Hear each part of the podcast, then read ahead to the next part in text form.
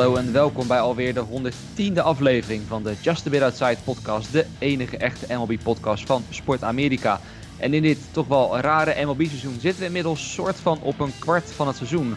Al is het natuurlijk vanwege de coronagevallen bij de Marlins en de Cardinals zo dat een paar teams juist nog veel meer wedstrijden moeten spelen dan andere teams die dus al wel op een kwart van het seizoen zitten. We gaan het daarover hebben, maar ook over veel van het honkbal dat is gespeeld in deze aflevering van de podcast. En dat doe ik, Justin Kevenaar, samen met Jasper Roos. Met alle ramen en deuren open, dus al het bijgeluid dat je hoort komt bij mij vandaan. Precies, want we moeten ook even allemaal afkoelen in deze hit inderdaad waarin we dit opnemen. Ook met Mike van Dijk. Met alle en ramen deuren dicht, dus het geluid komt niet bij mij vandaan. Nou, oké, kijk, nou ja, dat is ook het scheelt. Hè? Als je aircootje binnen hebt, dan... Uh, Precies, ja, koud. Dat, dat scheelt wel, ja. Die luxe heb ik helaas hier niet. Sander Grasman is natuurlijk ook bij. Heb je wel een aircootje in de buurt of ook de ramen open? Nee, ik ben zo heet als de Marlins hier. Uh. Kijk, dat vind ik een mooi, uh, mooi gesproken inderdaad. Maar goed, we gaan gewoon door. En laten we meteen met het nieuws beginnen. Want er is denk ik veel te bespreken. Te beginnen met, terwijl die Cardinals Outbreak, die plaatsvond vlak na de podcast die uh, jij Jasper vorige week met Mike uh, opnam. Want waar het toen vooral over de Marlins ging, uh, ja, waar corona uit was gesproken, is het nu dus bij de Cardinals sinds vorige week. ja, stond aan de knikker om het zo maar te zeggen. Ja, zeg dat wel. En nog een paar grote namen ook. Want met Yadi Molina en Paul de Jong en Carlos Martinez en, en dat soort figuren kan je toch wel stellen dat er een aardig contingent aan sterspelers uh, geveld is door COVID-19.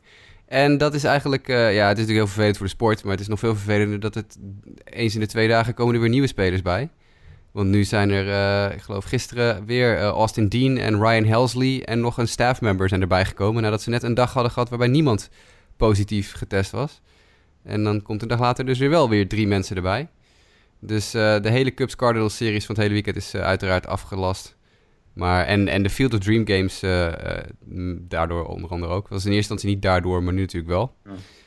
Dus het is uh, één grote bende. Maar ja, goed, dat was niet heel erg onverwacht, denk ik. Nee. Ik zag ook dat, het, dat ze gewoon heel kort maar in quarantaine zijn geweest. Hè? Dat ik las er een Athletic een stuk over dat ze dan volgens mij uiteindelijk vier dagen of zo in een hotel in self-isolation hebben gezeten, maar toen weer gewoon met z'n allen in de bus zijn gestapt. Ik neem aan in ieder geval wel zonder de op dat moment bekende besmettingen, maar ja, er kunnen natuurlijk gewoon besmettingsgevallen ook onder de andere spelers zijn die nog niet positief testen, die nog geen symptomen hadden. Ja, en dat, als je dat, dat zo kort maar uh, in quarantaine blijft, dan dat is ook gewoon vragen dat het misgaat. Dus ja, het gerucht gaat dat ze naar het casino zijn geweest met een paar spelers. Uh, vlak voor de uitbraak. Nou is dat niet bevestigd. En ik geloof dat de GM het ook ontkend heeft. Of in ieder geval aan het uitzoeken is. Maar dat zou helemaal natuurlijk uh, ja, super dubieus zijn. Maar ja, nee, dit is, uh, het, is weer, het wordt aan alle kanten weer niet helemaal behandeld zoals het zou moeten behandeld worden. Nee, en dat is waarschijnlijk wel een beetje de druk natuurlijk van het MLB. Want ik denk wat Sander net aangeeft, het is natuurlijk gebruikelijk uh, in dit tijdperk dat je natuurlijk helemaal normaliter 14 dagen iedereen die met iemand in contact is geweest, dan, ja, dat zou dan de hele ploeg zijn. 14 dagen in uh, self-isolation moet. Maar ja, de MLB die, uh, wil natuurlijk wel gewoon het seizoen er jagen en alles gespeeld krijgen. Maar goed, dat gaat nog een uitdaging worden, want inmiddels zitten ze geloof ik op 12 gemiste wedstrijden. en is het maar de vraag wat daarbij gaat komen. Competitive integrity, Justin. Ja, dat is het, het sleutelwoord hè, van dit seizoen. Het sleutelwoord. Ik heb dus wel lachen om Trevor Bauer van de week. Ik zat even op YouTube Trevor Bauer te kijken. En die zei op een gegeven moment... Uh, oh Rob, Rob, Rob, Rob, what are we doing? dat vond ik toch wel weer grappig. Ja, want het is, maar op dit moment, als ze nu geloof ik weer de eerste volgende series wel zouden gaan spelen, dan zouden ze 55 wedstrijden in 49 dagen moeten spelen.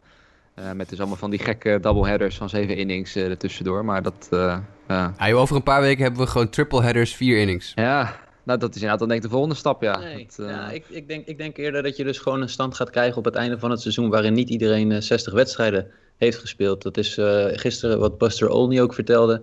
dat de kans gewoon redelijk groot is dat niet alle teams uiteindelijk 60 wedstrijden gaan spelen. En dat dan op basis van wat hij zei, winning percentage... Ja. bepaald wordt wie de postseason ingaat. En dat, nou, dat is ook voor. niet de eerste keer dat het gebeurt. Als de Marlins dan weer een uitbraak hebben. Ja, ja precies. Stel je voor, de Marlins hebben een uitbraak. Die ja. spelen voor de rest van het seizoen geen wedstrijden meer. Die zijn 7 in 1. Marlins naar de playoffs op basis van uh, winning percentage. Nou ja, Doei. Dus, dus, dus, dus zal, er zal zoiets... Nee, maar er zal, er zal zoiets... Kijk, ik geloof dat... Uh, hij haalde het voorbeeld aan dat er ergens in 1980 ze het een keer volgens mij ook uh, zouden hebben gedaan op die manier. Ehm, en ik, ja, ik weet in Azië hebben ze een overwinning uh, is twee punten en een, uh, een extra game inning of zo één punt. Weet je, een beetje ijshockeyachtig. Hadden ze ook voor kunnen kiezen. Maar dit is een van de changes die net zoals zeg maar 5 voor 12. We doen uh, de helft van de MLB ongeveer de playoffs in met postseason. Ik, dit gaat ergens gewoon tot een beslissing leiden dat het niet op basis van 60 wedstrijden kan. Nee, maar dan moet je, je moet daar ook een grens, een ondergrens in trekken. Je, ja, het, kan niet zo, het kan niet zo zijn dat bij wijze van spreken de, de Cubs zo meteen gewoon 60 wedstrijden spelen, noem maar even wat. Ja. En dat die dan de playoffs niet zouden halen, ondanks dat ze een supergoed seizoen hebben gedraaid. Omdat de Marlins de helft van het aantal wedstrijden heeft gespeeld en een hoger winstpercentage heeft. Ja. Nee, dus je moet, daar, je moet daar een ondergrens aan trekken. Dat maar dat, dat zullen ze gaan doen. Maar ik denk juist eh, met hoe de, de modus van de MLB tot nu toe is, is gewoon get through the season. Um, en dan is dit een manier om zeg maar in ieder geval tot de postseason een deelnemersveld te komen. Uh, maar zoals jullie ook zeggen, het wordt gewoon, zeker ook nu gaat met de Cardinals, onmogelijk om voor dat team uh, op hetzelfde moment dat alle andere teams al hun hele seizoen uh, gespeeld hebben, alle wedstrijden nog te gaan spelen. En dan kijk je naar de twee bubbelsporten, de NHL en de NBA. De NBA die hebben het geneeld. Die hebben het echt. Ja, die hebben nul. Die hebben al weken nul besmettingen vanaf het begin. Ja. En de NHL heeft ook nog helemaal niks. Gaat ook allemaal als een speer. Ja, en in, in dat kader, Buster uh, gaf gisteren ook nog aan... Uh, een van de dingen waarover gedacht wordt... is dat je dus uh, de postseasons van de MLB ook als een bubbel zou kunnen gaan doen.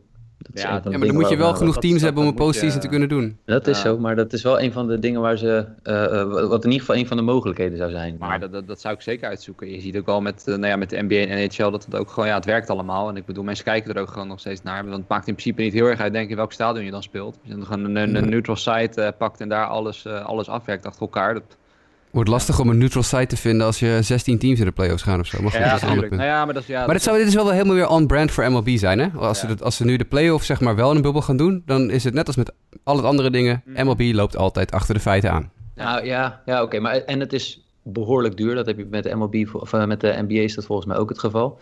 En het, het is zo dat de MLB daarin achter. Maar een bubbel is ook, denk ik, voor hoe de sport is. Daar hebben we het vorige keer ook over gehad is denk ik voor MLB gewoon ook een stuk lastiger, gegeven de aantallen en dergelijke, om, uh, uh, om te realiseren, logistiek gezien.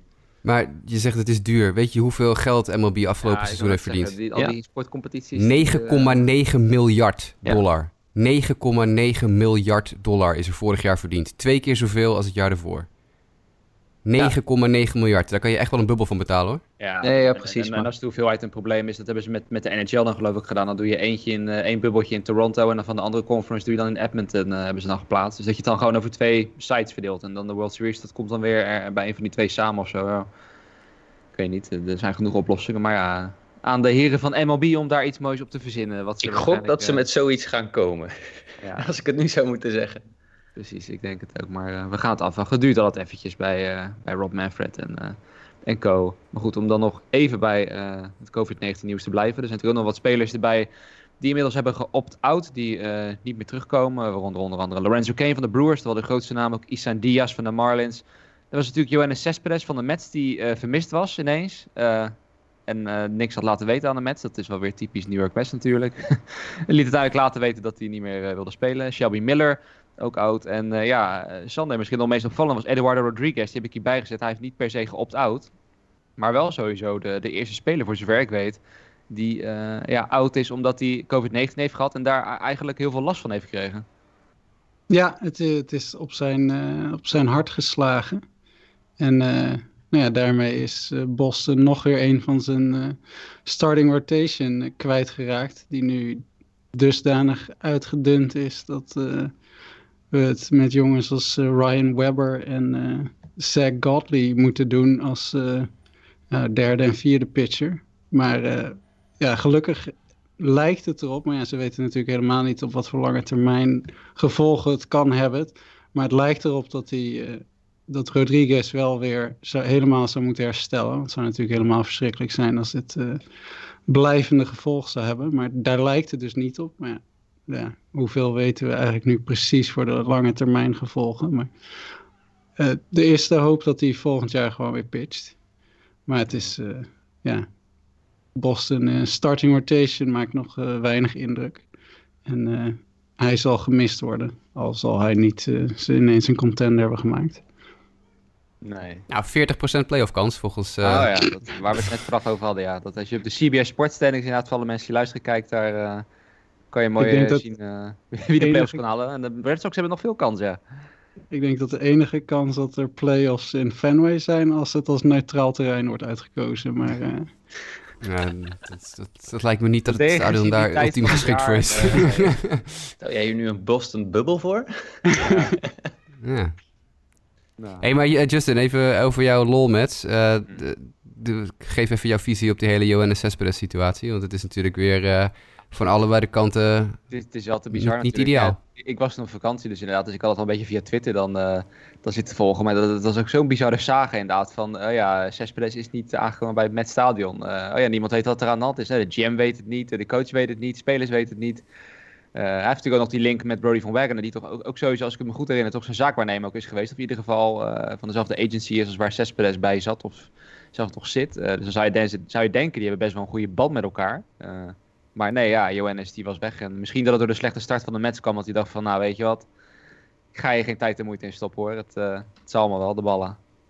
Maar... Ja, ik vind het wel mooi dat de Mets dan weer gewoon voordat ze überhaupt hem te pakken hebben gekregen, een persverklaring naar buiten kletteren van, ja, hij is verdwenen, hij heeft niks ja, van zich laten dat... horen en... Dat was ook. Op, man. Als je misschien een uurtje lang hadden gewacht, dan. Ja, tuurlijk.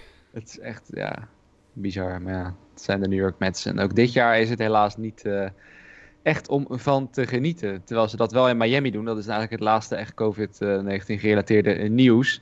Dat de Miami Corona, zoals jullie vorige week de podcast hadden, hadden genoemd. Ja, die spelen weer. En die spelen met geloof ik heel veel relievers die ze maar overal nergens vandaan hebben getrokken. En ze zijn 7-1. Uh, Mike, hoe kan het in hemelsnaam? Ja, ze winnen, maar... dat is een goede vraag. nee, ja, het, het, het, grappige is van afgelopen nacht ook weer. Er komt er een pitcher, staat er op de heuvel. Een jonge jongen die eigenlijk amper minor league niveau heeft gegooid. Maar ja, blijkbaar is er weinig over hem bekend. En uh, is het voor de Mets, was het geloof ik... dermate verrassend wat er dan op hen afgegooid wordt, dat ze er niet in staat zijn ja, om... De Mets daar wel vaker last van, hè, tot nu toe. Dat... Dat, dat is zeker waar. Maar ook, ook in het veld en dergelijke. Er zit wel een bepaalde dynamiek in het team. En een positieve vibe, ongeacht wat, al, wat er allemaal gebeurd is.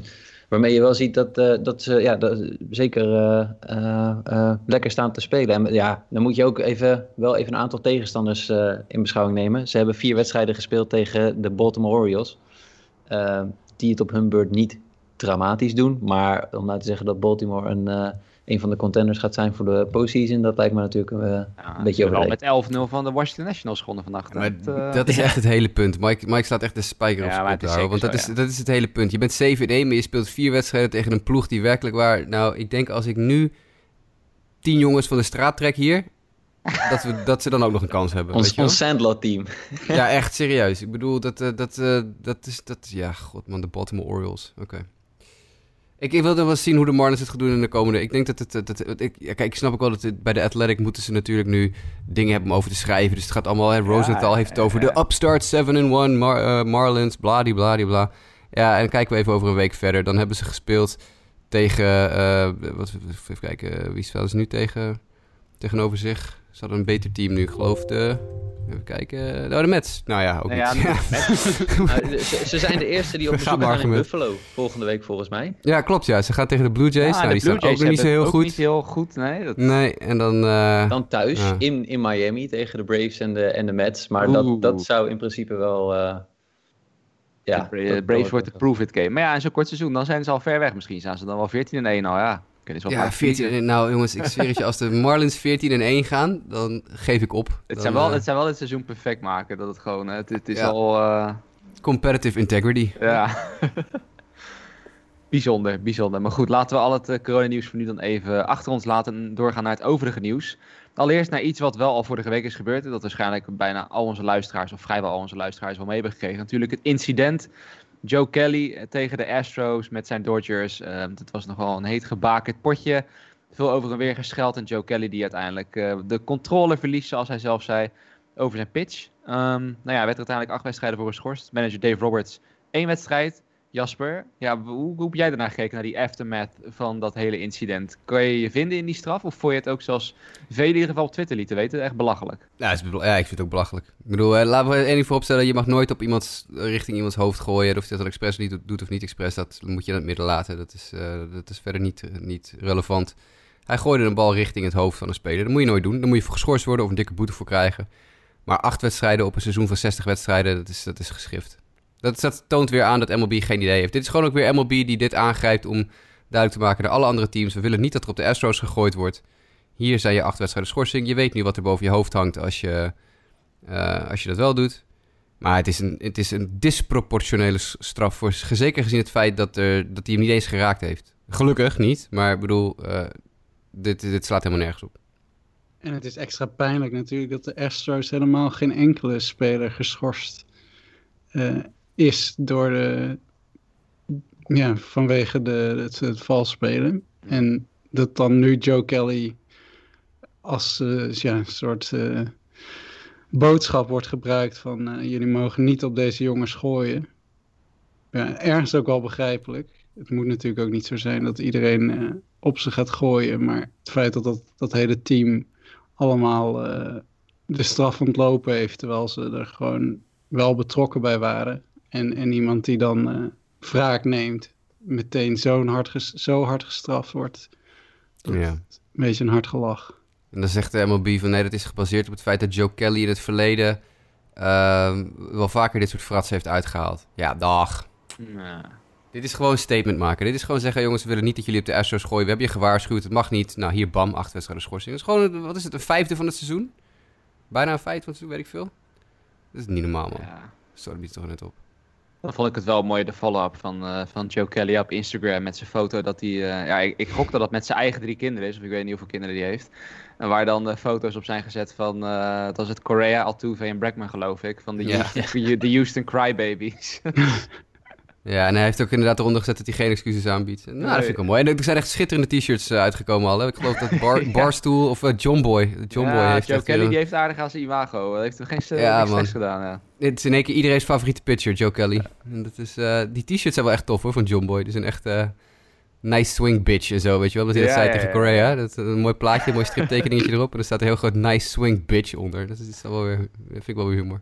Ja, dat, is, uh, dat vind ik op zich wel mooi. Laat, dat, laat dat maar aan die gast. Ik bedoel, ik vind Barstool verder echt ruk. Maar laat het aan, aan dit soort jongens maar over om gekke t-shirts te verzinnen. Dat zeker, ook, dat ook, zeker. Ook John Boy natuurlijk, die ook echt mooie dingen maakt. Nee, zeker. Maar goed, om het dan even het verlengen te trekken naar de, naar de Astros. Nou goed, ze zijn al niet gestraft. Maar ik kan wel zeggen dat misschien de honkbalgoden niet gunstig zijn, uh, zijn gezin natuurlijk. Ze staan tot nu toe 6 en 7. En ook de afgelopen twee avonden, als ik het goed zeg, twee walk-offs ook tegen zich gehad. Eentje van Cole Calhoun van de Diamondbacks. En vannacht nog Marcus Simeon van de Oakland Athletics. Uh, dus ja, Sander, de Astros, die hebben het vrij zwaar hè. Maar denk je dan wel dat ze hieruit gaan geraken, ook al zitten ze nu een kwart van het seizoen in een dal? Of gaat het echt wel moeilijk voor ze worden, denk je? Nee, volgens mij wachten we nog steeds op de definitieve prognose van de blessure van Verlander. Mocht hij het, het hele jaar eruit liggen, mm -hmm. dan uh, is dat natuurlijk uh, ja, een zwaar verlies. Ze hebben nog steeds een slagploeg. Uh, al zijn ze natuurlijk in die vuilnisbak een van hun belangrijkste wapens kwijtgeraakt. Maar dat, dat zijn natuurlijk gewoon nog steeds gewoon goede spelers. En maar ja, de, de pitching, het is volgens mij, de, we keken even naar de bullpen, maar we kunnen er nauwelijks, denk ik, twee of drie opnoemen. Ja, dat wordt, uh, dat, en zonder Verlander, zonder bullpen, dan wordt het lastig. En dan zit je met de Oakland A's in een, ja, dan wordt, dat, gat is nu denk ik 3,5, 4 al. En die zijn nog niet eens op stoom geraakt, een slagploeg in ieder geval niet. Uh, ja, dan wordt die eerste plaats, als je dat na een kwart kan zeggen, al lastig. Maar ik denk dat ze goed genoeg zijn om zeker nu er uh, acht teams vanuit de American League uh, doorstromen. ja, dan moeten de play-offs mogelijk zijn. En dan, ja, als Verlander dan terug is en, en komt alles weer een beetje terug van blessures. Ja, dan kan je ze echt nog niet afschrijven, denk ik. Nee, precies. En ook aanvallend, dat er moet dan gezegd worden. En daar wordt natuurlijk ook veel grappen online over gemaakt. Dat uh, Altuve, Bregman en Springer qua batting average uh, allemaal wel wat moeilijk hebben. Altuve en Springer zelfs allebei onder de 200. Maar goed, aan de andere kant, Carlos Correa die staat wel weer gewoon 386 te slaan. Een on-base percentage van 471. Dus ja, dus ze hebben er niet allemaal even last van. Dus dat zal wel geleidelijk recht trekken. En ja, qua pitching, het is inderdaad, ik zie dan wel Lens, Lens McCullers heeft het ook nog niet helemaal gevonden. Dat uh, moet ik zeggen, dat, dat weet jij misschien wel, Mike. Ik, ik heb dat toevallig half voorbij zien, zien komen vandaag. Maar was Lens McCullers ook niet heel boos of zo over de Diamondbacks? Dat ze iets met stadion uh, hadden gedaan, dat daardoor zijn, zijn prestatie was beïnvloed? Oh ja, dat klopt. Ja, nou, ho, ho, ho, ho, ho. Uh, het is altijd ja, een nee, andere- daarom vraag ik aan jou wel verifiëren. Bekijk het vanuit mijn perspectief. Ja, ja, ja. De Diamondbacks zijn er redelijk slecht begonnen. Dat is een understatement. Mhm. En eh, tijdens de wedstrijd, de, de, de behoefte van de club is om vaker met het dak open te spelen. Eh, omdat dat zeg maar, ja, dat heeft weer eh, invloed op hoe de bal vliegt. Dus nu dachten ze tijdens de wedstrijd van, nou, nou de derde inning laten we het, eh, het, het dak open gooien. Ja, en vervolgens eh, vloog niet alleen, zeg maar, eh, eh, nou, toen vloog de bal in één keer een stuk makkelijker voor de Diamondbacks weg. En dat eh, ging ten koste van, eh, van Lance McCullers. Die eh, eh, de eerste drie innings eh, scoreless eh, de Diamondbacks eh, eh, eigenlijk onder controle had. En in de, ja, in de vierde inning eh acht, eh, zeven, acht runs opgaf. Dus ja, dat, dat, dat, dat, dat zat eh, niet goed bij hem. Maar ehm, eh, je ziet ook wel gewoon dat onderling er gewoon best wel, nog best wel wat is tussen de Astros en hun tegenstanders. Ca- eh, Carlos Correa sloeg een home run en hij liep langs het derde honk en dan steekt hij nog even zijn hand zo achter zijn oor van, eh, eh, dit- er moet wat geroepen zijn. Eh, ja, weet je, dat, de Astros zitten wat dat betreft gewoon nog steeds, eh, de, de team zoekt nog steeds de confrontatie wel met hun op, heb ik de indruk. Dus, En eh, zij zoeken de confrontatie met anderen ook op. Ze gaan Ja. ook niet uit de weg. En dat eh, erger ik me een beetje aan als ik eerlijk ben. ja, ze vinden Ja. echt dat ze niks fout hebben gedaan. Dat is, tenminste, zo vertaal ik dat dan. Ja, en ook dat McCullers, die is natuurlijk ook vaak wel vrij uitgesproken. Die had dus, ik zal het even, even op te zoeken, die had achteraf ook gezegd... eh, opening the roof in the fourth inning is ass. Nou ja, Ja. Dat was zijn eh, respons daarop. Dus ja, ja, dat- I don't know.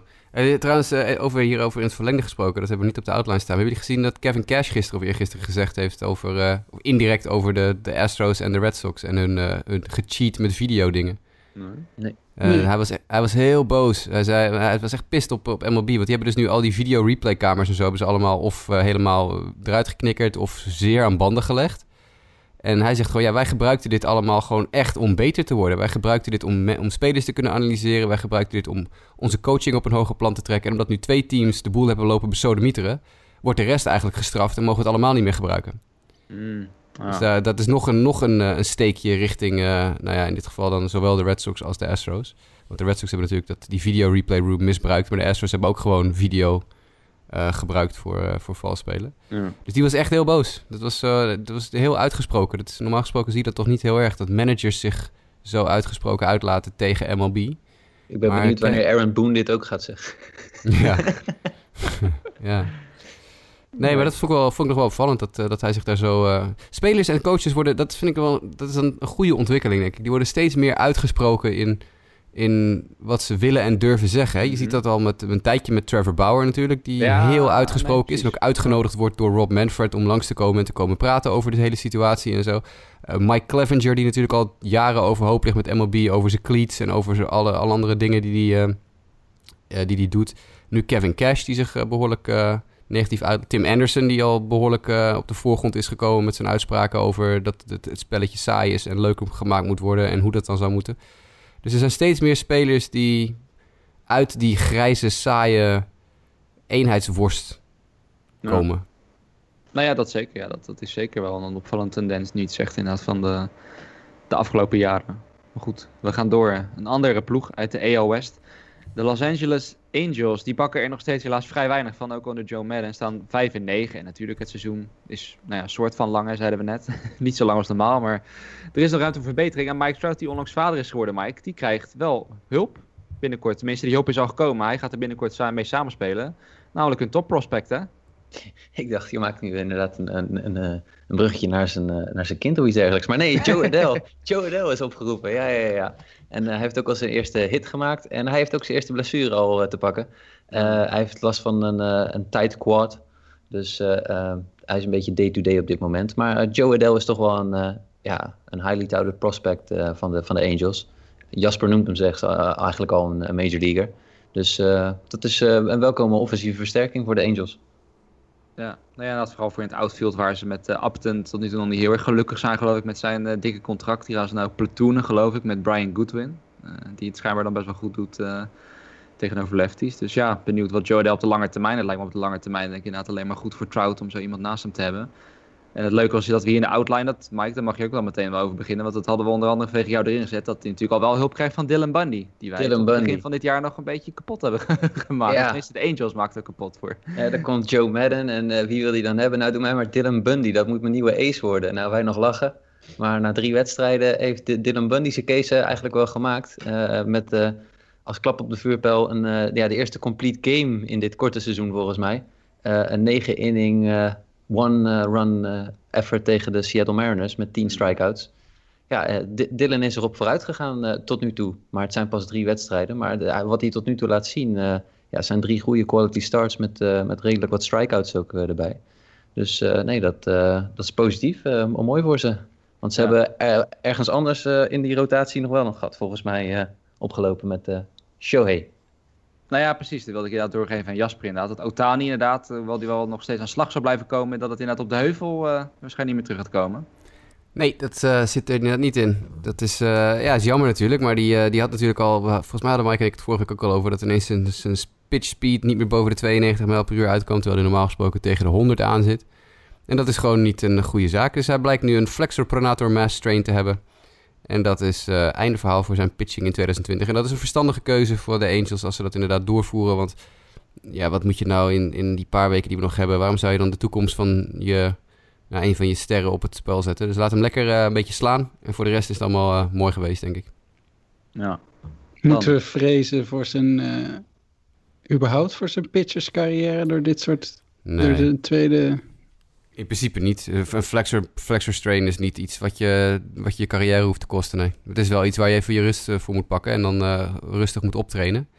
En misschien is dat ook de reden dat het fout is gegaan. Dat het allemaal net iets te snel is gegaan, weer het korte voorseizoen en dat soort dingen. Dus ik denk dat, nee, dit hoeft niet, absoluut niet een, een definitief einde van zijn carrière te zijn. Nee. Hmm. Nou, we gaan het zien. Hopelijk komt hij inderdaad sterker daarvan terug op de heuvel. Want ik bedoel, vooral het begin toen van zijn carrière bij de Angels op de heuvel was natuurlijk wel echt spectaculair. Het zou mooi zijn als we dat liever vandaag dan morgen weer terug kunnen zien. Maar het zal dus even tijd nodig hebben inderdaad. Dan toch nog even terug naar de Mets. En dit is iets dat wilde ik natuurlijk wel even graag bijzetten. Ik denk dat onze vaste luisteraar Dennis Jans het ook wel leuk vindt dat we het even over Jose Reyes hebben. Het nieuws is dat hij stopt. En ergens verbaast mij dat bericht wel. Want ik dacht, die was toch al gestopt na 2018. Maar blijkbaar moet je dat dan nog officieel aankondigen dat je, dat je stopt. Hoopt hij vorig jaar nog te spelen. Maar Jose Reyes, uh, ja, in zijn beste dagen. Ik denk dat ergens hè, rond 2008, 2007 was. Een uh, Snides Duivel, een on-base machine. Toch altijd een van de positieve punten bij de Mets. Vier keer All-Star geworden Vaak ook in de MVP-race. Uh, eh, totdat hij uiteindelijk wegging hè, naar de Marlins, die toen heel ambitieus waren voor één jaar. En toen weer de boel eh, uit elkaar gooide. Toen werd het nooit meer echt wat het was. Maakte dan wel zijn carrière af bij de Mets in tot 16 tot en met 2018. Maar toen was het niet zo heel veel meer. Maar ja, het verbaasde wel om te lezen dat hij was gestopt. Ik dacht dus wel dat hij was gestopt, maar nu is het officieel. En toen moest ik weer met weemoed terugdenken aan die mooie dagen in zijn Mets-uniform. Nou, heeft hij toch weer 140 miljoen dollar binnengeharkt over zijn carrière. Precies. Hij toch niet verkeerd? hij heeft niet slecht gedaan, denk ik. Nee, dat, uh, 18-jarige carrière. Ja.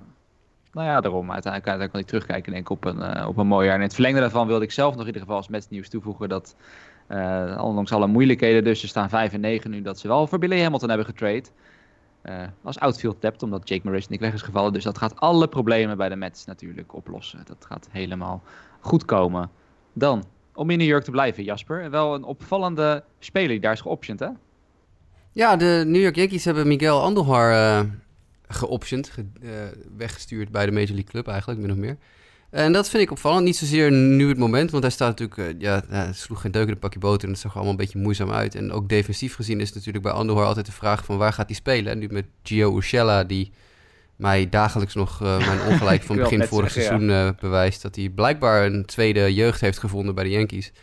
Dat is op dit moment gewoon de veel betere optie op het derde honk uh, in New York. En ja, dan moet je met die Andujar iets. En ze konden hem eigenlijk nergens kwijt. En dan ja, met die struggles bij de plaat is dit een heel opvallende keuze. En ik weet eigenlijk niet zo goed wat ze nou met hem gaan doen.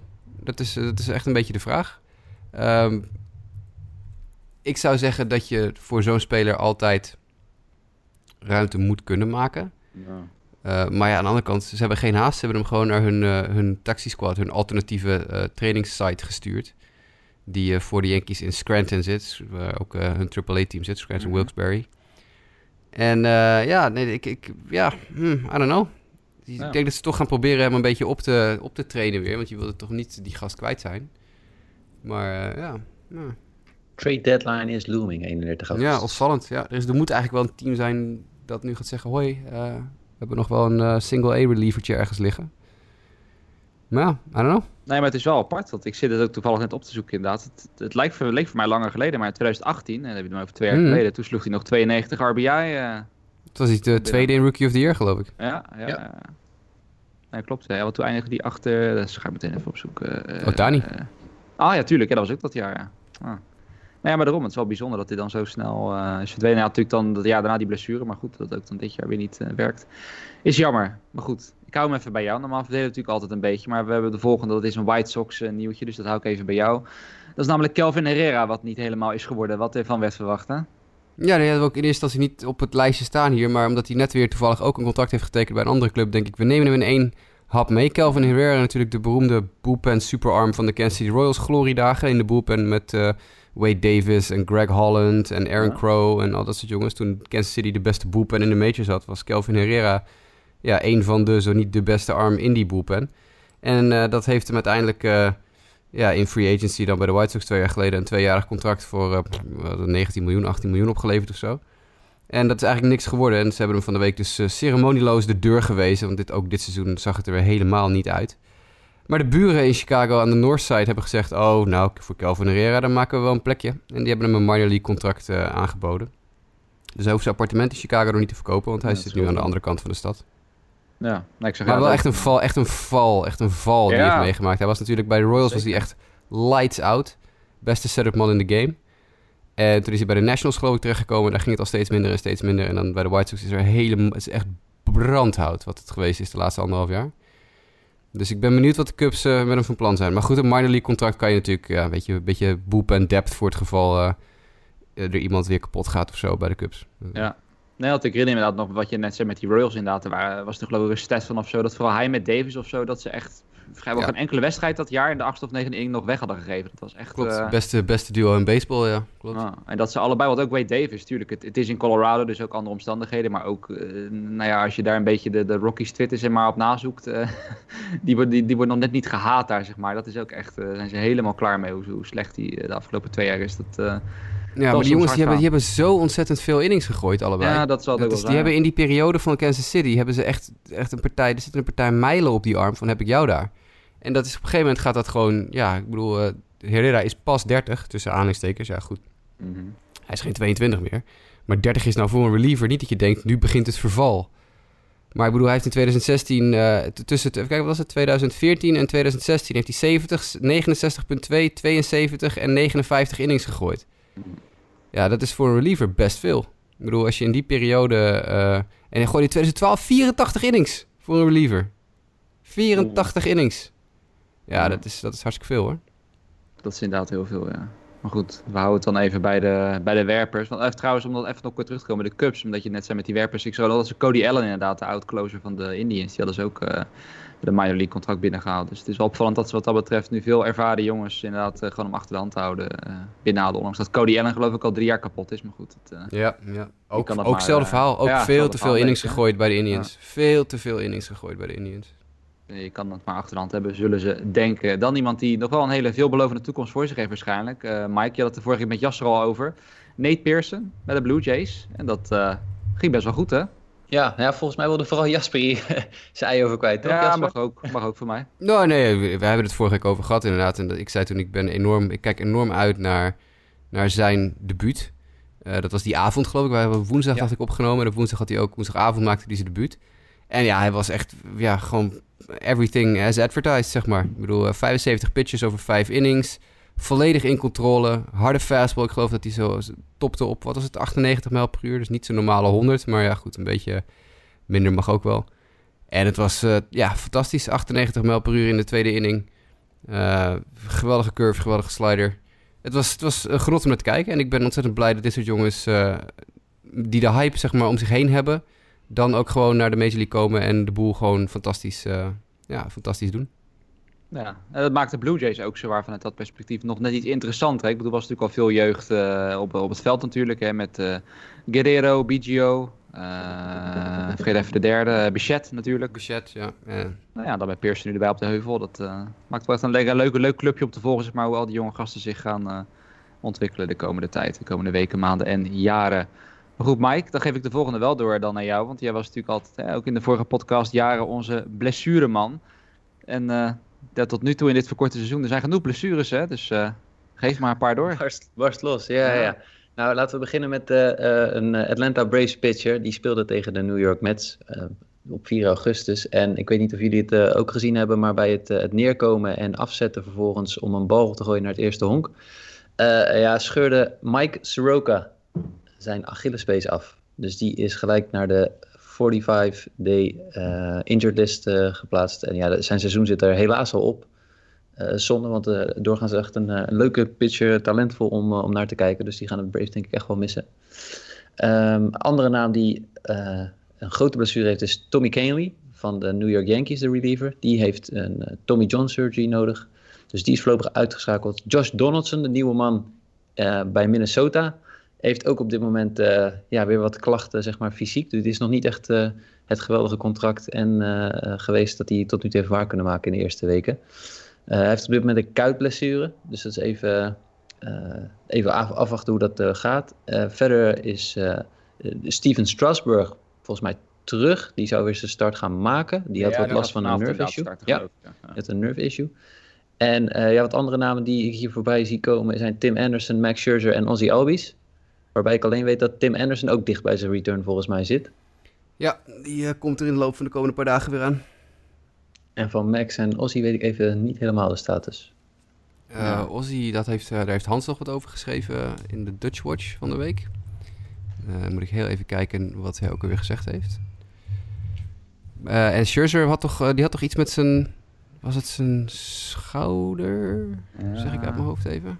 Ja, ik zei het al aan het begin, toen ik het inleidde. Ze zijn sowieso heel hamstring, veel... Hamstring, uh, ah, ja. schouder, hamstring, zit vlak bij elkaar. Ja, het zit, zit in je lichaam. Ja, ja precies. Overigens wel, uh, Nick Markakis kwam uh, terug van, van weg geweest, zeg mm -hmm. maar. en die sloeg natuurlijk gelijk in zijn eerste wedstrijd terug een, een game-winning home run. Ik weet niet of jullie dat gezien hebben. Ja, ja, ja. Maar dat, dat is nog wel, ja, dat is wel een bijzonder moment.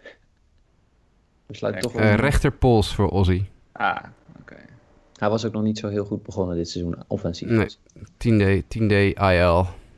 Nee, maar het zijn sowieso veel blessuregevallen. Ook Andrelton, Andrelton Simmons inderdaad heeft geloof ik ook wat uh, media aan, aan, de kant staat. En er zijn nog heel wat spelers. Ik weet ook bij de White Sox inderdaad dat ik nog las. Nick Madrigal toch ook, die met zijn schouder... Uh...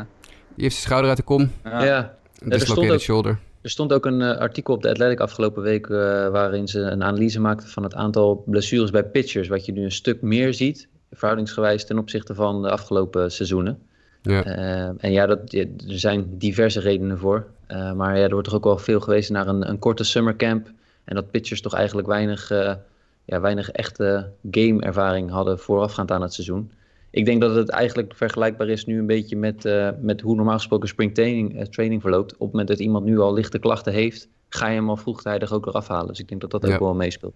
En het is ook een beetje rennen en stilstaan geweest, denk ik. Met spring training uh, opbouwen ja. richting het seizoen. En dan vlak daarvoor ineens allemaal in quarantaine. En dan weer ineens heel korte tijd klaarstomen voor uh, een nieuw seizoen. En ja, je ziet nu denk ik de gevolgen van dit... Uh, ja, van deze opbouw. Ja, en in welke mate zijn de pitchers zelf ook in staat geweest om thuis te kunnen oefenen?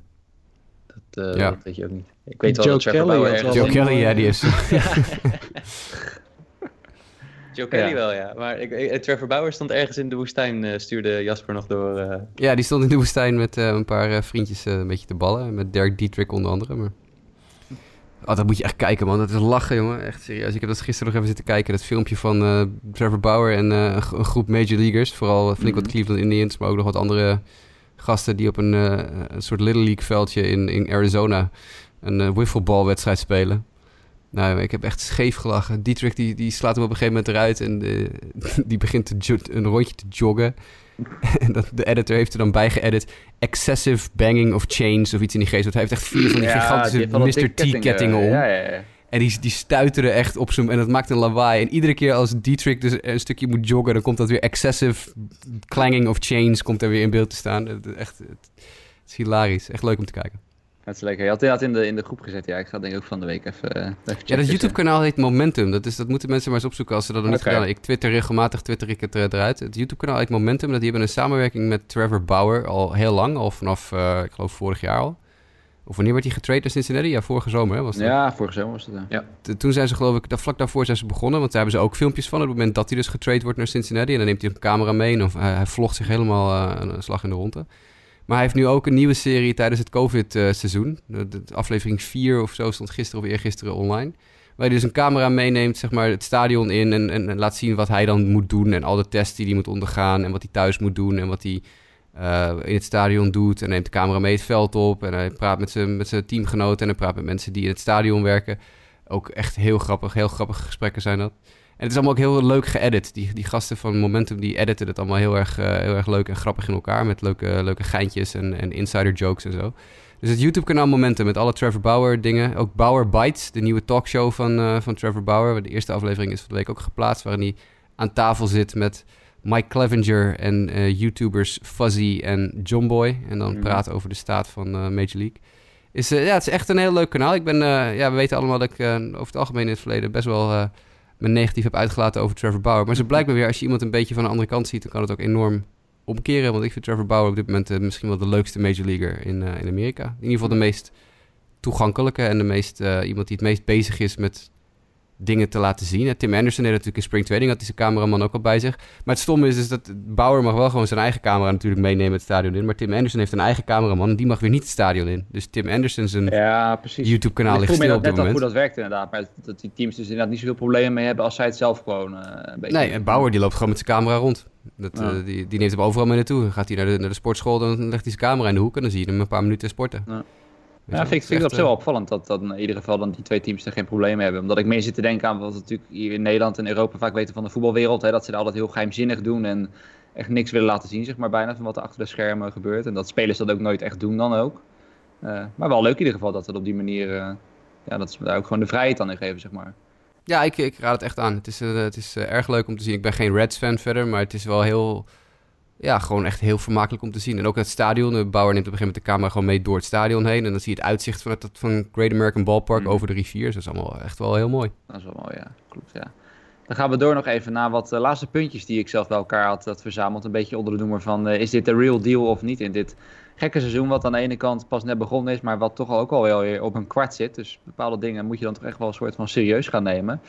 Ehm, Sander, ik begin bij jou. Want als ik de naam Donovan Solano zeg, dan had jij waarschijnlijk niet gedacht dat dat de man zou zijn die momenteel de majors leidt in batting average. Zit daar iets in, denk jij?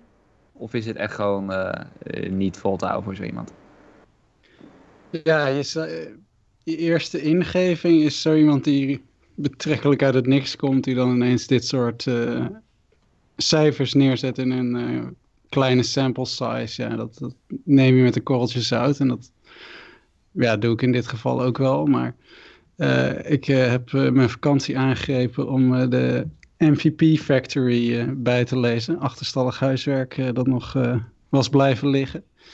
En als je dan eh, leest over hoe spelers soms bezig zijn met eh, zichzelf ontwikkelen, of soms hopelijk veel. eh, ja, het zou kunnen dat, het, dat hij aan zichzelf gewerkt heeft. Ik zie dat zijn cijfers vorig jaar ook al iets beter zijn. Eh, voor het eerst een OPS plus boven de 100. Ja, nu zit hij zelfs boven de 200. Dus dat, dat hij dit vol gaat houden, denk ik niet. Maar het zou best kunnen dat hij eh, aan zijn swing gewerkt heeft. Dat, er, dat hij eh, ingrepen heeft gedaan. dat hij zichzelf geanalyseerd heeft. En dat hij een redelijk seizoen, dat hij op 465 eh, betting average gaat eindigen, lijkt me absoluut onmogelijk. Maar dat hij misschien rond de 300 en dat hij een best aardig seizoen kan gaan draaien, dat sluit ik niet uit. Ja, het is sowieso wel heel bijzonder. Want eh, ja, je hebt dezelfde pagina als ik nu voor me van Baseball Reference. Dat hij inderdaad, hij begon bij Miami inderdaad. Toen was hij 24, 2012. Die vier jaar gezeten, dat is allemaal nou niet heel erg bijzonder. En daarna nog de Yankees. Maar toen is hij ook, en dan probeer ik naar op te zoeken, is hij ook twee jaar weg geweest. Maar of hij dan en kunnen minors heeft rondgehangen of dat hij is vertrokken. Ik bedoel, ja, Donovan Solano is waarschijnlijk niet een speler die we allemaal op de voet hebben, hebben gevolgd. Dus ik zal het even snel proberen te zoeken. Maar het is al wel bijzonder dat hij vorig jaar dus inderdaad wel al eh, verbetering aantonen. En ik zit hier te kijken. Het lijkt erop dat hij gewoon inderdaad even weg is geweest hier. Nou ja, hij inderdaad minor league contract bij de Dodgers. Heeft hij in de minors rondgehangen. Bij de Yankees nog in de minors. Dus hij inderdaad gewoon eh, ja, twee jaar lang in de minors gezeten. En nu eh, een soort van zichzelf hervonden. Maar ik vind het alweer typisch bij de Giants dat dat toch een 32-jarige weer de car niet trekt. In uh, Donny Betts, zoals ze hem daar nu geloof ik noemen. Maar, uh, Donny Barrels, zie Of ik. Donny Barrels was het inderdaad. Ja, Donny Barrels. Ik dacht Donny Betts, Donny Barrels inderdaad, ja. Het, uh, ja, vrij bijzonder in ieder geval dat hij die categorie leidt en dat hij een van de beste slagmensen momenteel is. Dan door naar een volgende persoon die het heel goed doet, Jasper. En ik weet onze welgeliefde Jimmy Driessen, die was altijd groot fan natuurlijk van Lynn. Vooral toen hij in zijn fancy team zat. En die zei toen ook vorig jaar al een paar keer dat hij toen een kans hebben zou kunnen zijn misschien voor de Young. Maar zoals hij dit jaar is begonnen, hè, moeten we daar echt rekening mee gaan houden? Of, uh, ja, ik, even, ik, de ontwikkelingen in, uh, in honkbal zijn zo bizar de laatste jaren, de laatste twee jaar of zo. Hè. Sander noemt al de MVP-machine nog even. En, en, dat zijn natuurlijk dingen die daar allemaal aan te grondslag liggen. Ik durf niks meer te zeggen. Kijk, ik geloof nog steeds niet in dat Lance Lynn ineens de beste pitcher ter wereld is. Maar hij is op dit moment een van de beste pitchers ter wereld. Ja. Ja, ja. meer kan ik ook niet van maken. Nee, weet je, het is, ik weet niet hoe hij het doet. En ik was echt wel, uh, toen Lynn net opkwam in de, in, uit de minors, toen heb ik hem ook nog een paar jaar op mijn fantasy team gehad. Want het was altijd uh, een hele goedkope manier om aan goede pitchers te komen. En toen, ja. Maar toen knikkerde die zo van de aardbodem af. Ik denk van, nou, dat wordt helemaal niks meer. En ik weet niet wat hij gedaan heeft. Maar dit is, ja, hij is op dit moment een van de beste pitchers ter wereld. Niet ja. mijn nummer 1 Cy Young fantasy, uh, kandidaat nog. Dylan maar Bundy. Shane Bieber. Shane Bieber, ja. Nou ja, precies. Dat was natuurlijk het volgende puntje op, ja. de, op de agenda. Anders mag je die wel meteen meenemen. Want ik had inderdaad erbij gezet van... Ja, wie gaat in dit tempo Shane Bieber in de American League daarvan afhouden? Want die is ook wel echt gigantisch Niemand. goed begonnen. Nee, Bieber is op dit moment de beste pitcher ter wereld.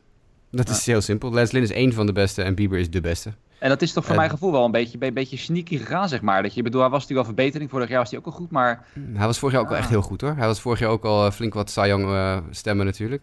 Precies. Uh, ja, nee, dit is wel zijn absolute... Dit is, is zijn, nou, niet, niet echt zijn coming-out party of zijn, zijn doorbraak. Want die had hij vorig jaar al een klein beetje. Maar dit is het moment dat hij zichzelf...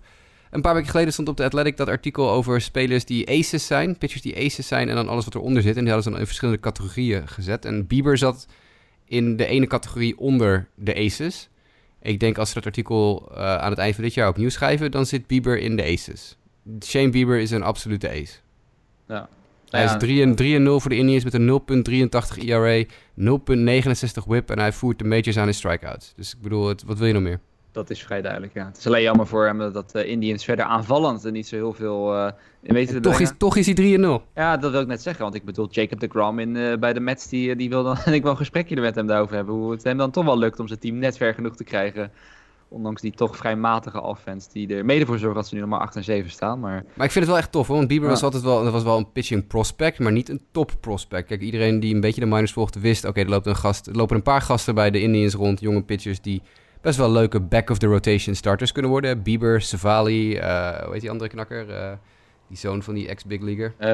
eh, Ja, ja. Zach Plesac, ja inderdaad. Die ook inderdaad bij die, die groep van Trevor Bauer was die een wifflebalwedstrijdje speelde. Maar dat is een ander punt. Eh, dat soort jongens waren allemaal van, nou ja, middle en back-end of the rotation prospects. En al die jongens, ook Plesac staat hartstikke goed te gooien. Eh, en Bieber is, is otherworldly op dit moment. Dus ja, goed, dan houden we het nog even bij de pitchers, Mike. En dan geef ik hem door aan jou. Want wat ook opvallend is, is dat met name Sonny Gray en Trevor Bauer... en in het verlengde daarvan ook een beetje Luis Castillo... hoewel zijn ERA wel wat hoger is dan beide heren... eh, doen het allebei op zich wel goed. Vooral Gray en Bauer doen het heel erg goed. Kunnen we misschien stellen dat de Reds wel de beste one-two punch... of misschien als Castillo het een beetje hervindt... misschien wel het beste trio hebben van heel de majors. Wat Nou, denk jij? ja, zou- ik zou zelfs nog Tyler Mali daaraan toevoegen, want die zag in zijn laatste start er ook erg goed uit. Misschien zelfs wel beter dan eh, Castillo, die ook in zijn eh, drie starts, twee starts tegen de Tigers heeft zitten. Eh, Ja. Met alle respect voor de Tigers. Maar de, de, de pitching, zeker de starting pitching daar, dat is toch echt wel een stuk beter geworden in, in Cincinnati. De crux zit alleen vooral, denk ik, offensief. Het is, eh, eh, afgezien van eh, Nick Castellanos en Mike Moustakas, zit, ja, weten ze nog weinig echt goed, goede at-bats en, en, en consistente runs te produceren. Want ook tegen de Cleveland Indians hebben ze een serie gespeeld. Nou, Cleveland is niet de beste slagploeg, maar het lijkt zich nu in één keer te hervinden een beetje. Eh, maar dan gaan ze er gewoon... behalve drie gisteren. Ja, behalve afgelopen gisteren. Toen wonnen ze, wat is het, 11 of 13-0 geloof ik, hè? Nee, ja, eh, afgelopen nacht bedoel ik. Toen verloren ze met 2-0, de Indians. Oké, ja. Nee, precies. Maar die dag ervoor wonnen ze met 13-0 dan van de Reds. Ehm, dus ja, als, als ze die offense wat verder eh, rolling gaan krijgen, dan, dan gaat Cincy gewoon nog meedoen om de postseason plekken, zoals veel mensen hadden verwacht. Maar de, de pitching ziet er, eh, ziet er denk ik eh, ja, goed uit.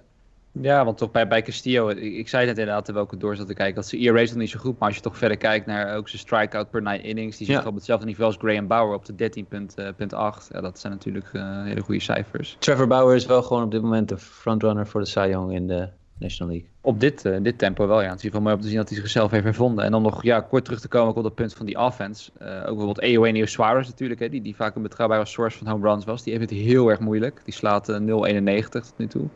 Eh, ja, Joey Votto is natuurlijk, hè, misschien ook een beetje leeftijd, inmiddels 36. Dit- misschien niet zo gek dat je daar niet meer van mag verwachten wat het vroeger was. Al komt hij wel nog steeds vaak on base natuurlijk. Dat is toch wel nog steeds zijn grote kracht. En ja, Nick en zelf vind ik ook toch altijd nog wel een beetje eh, tegenvallen. Hè, met alle hype toch waarmee die is gekomen. Dat het, eh, Die is niet fit volgens mij.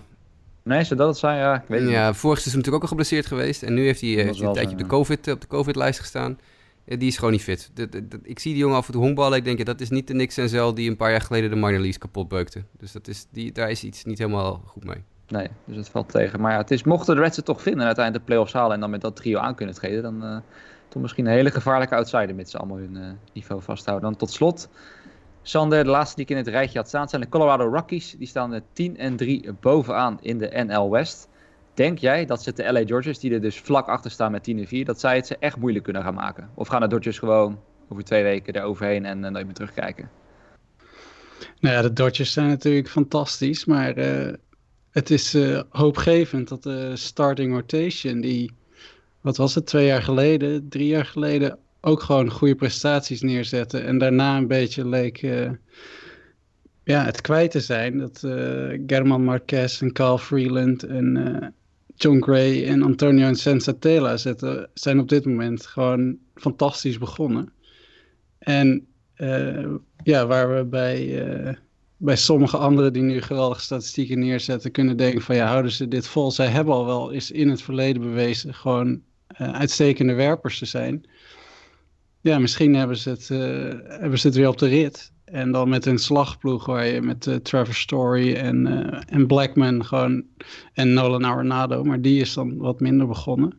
Maar gewoon een eh, paar hele goede spelers ook hebt. Ze zijn offensief en nu in hun rotatie gewoon, gewoon heel goed. En vergeet San Diego Padres niet, ook nog in diezelfde divisie.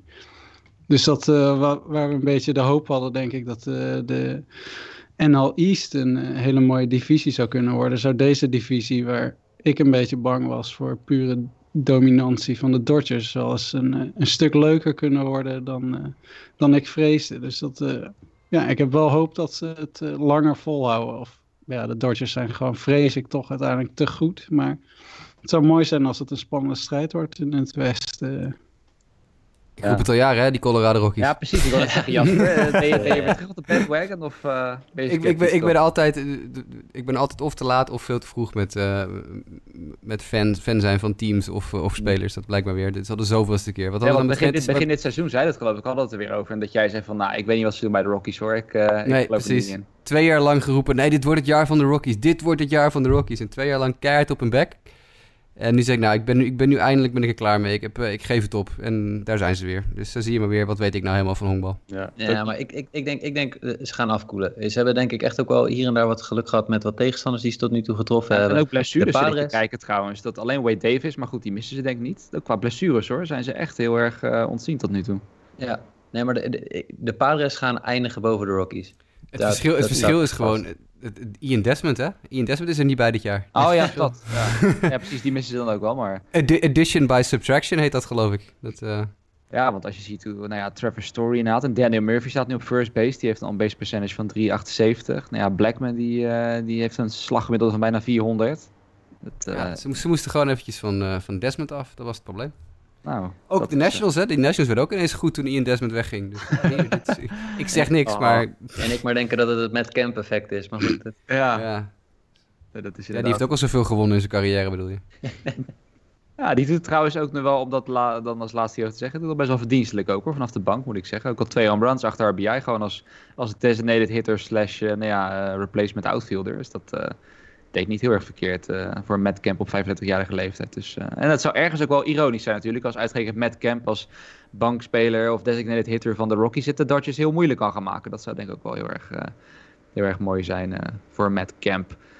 Dan, dat was het wat betreft het nieuws en alle opvallende starts. En dan waren nog één ding opgeschreven en dat was nog iets van felicitaties richting Chadwick Trump nog, de geboren Arubaan. Hij maakte vorige week zijn debuut bij de San Francisco Giants en heeft inmiddels zijn eerste hit te pakken, maar ook al twee home runs. Uh, doet het sowieso best wel oké. Okay. 2,78 batting average als backup catcher waarvoor die is opgecalled. Uh, het was misschien wat verrassend, tenminste ik zag het niet per se aankomen dat hij daar nu zat en dat hij daar ja, snel zijn debuut kon gaan maken. Maar ik denk een leuke ontwikkeling.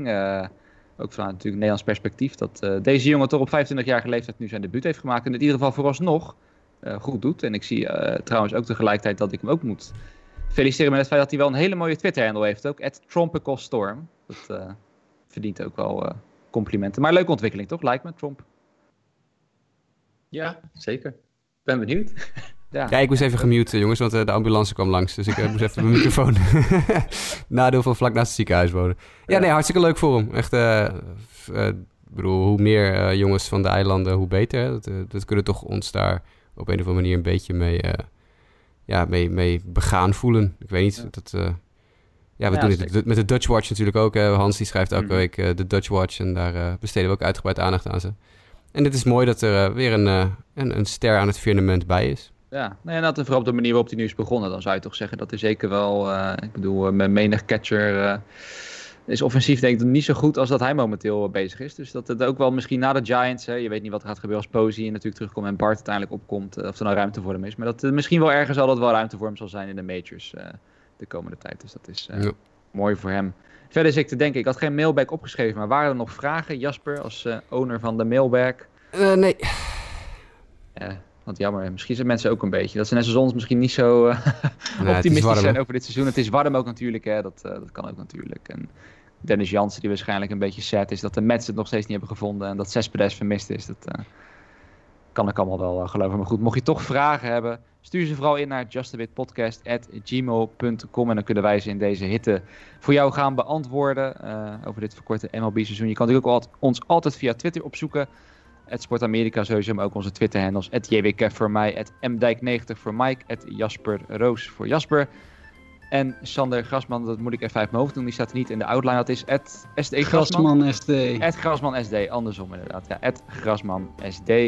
Natuurlijk ook op onze site sportamerika.nl. Die, uh, nou ja, gisteren even offline, want we zijn nu weer helemaal terug, hè Jasper? Als ik het goed begreep. Ja, we zijn er verhuisd naar een nieuwe uh, hosting provider, nieuwe, nieuwe host. En uh, dat is allemaal met het oog op de toekomst, zullen we maar zeggen. Kijk, we gaan het allemaal zien. Gaat dat zien. Jullie ook allemaal hartstikke bedankt natuurlijk weer voor het meedoen. Jasper, Mike en Sander, jullie als luisteraar allemaal hartstikke bedankt voor het luisteren. En graag tot de volgende keer.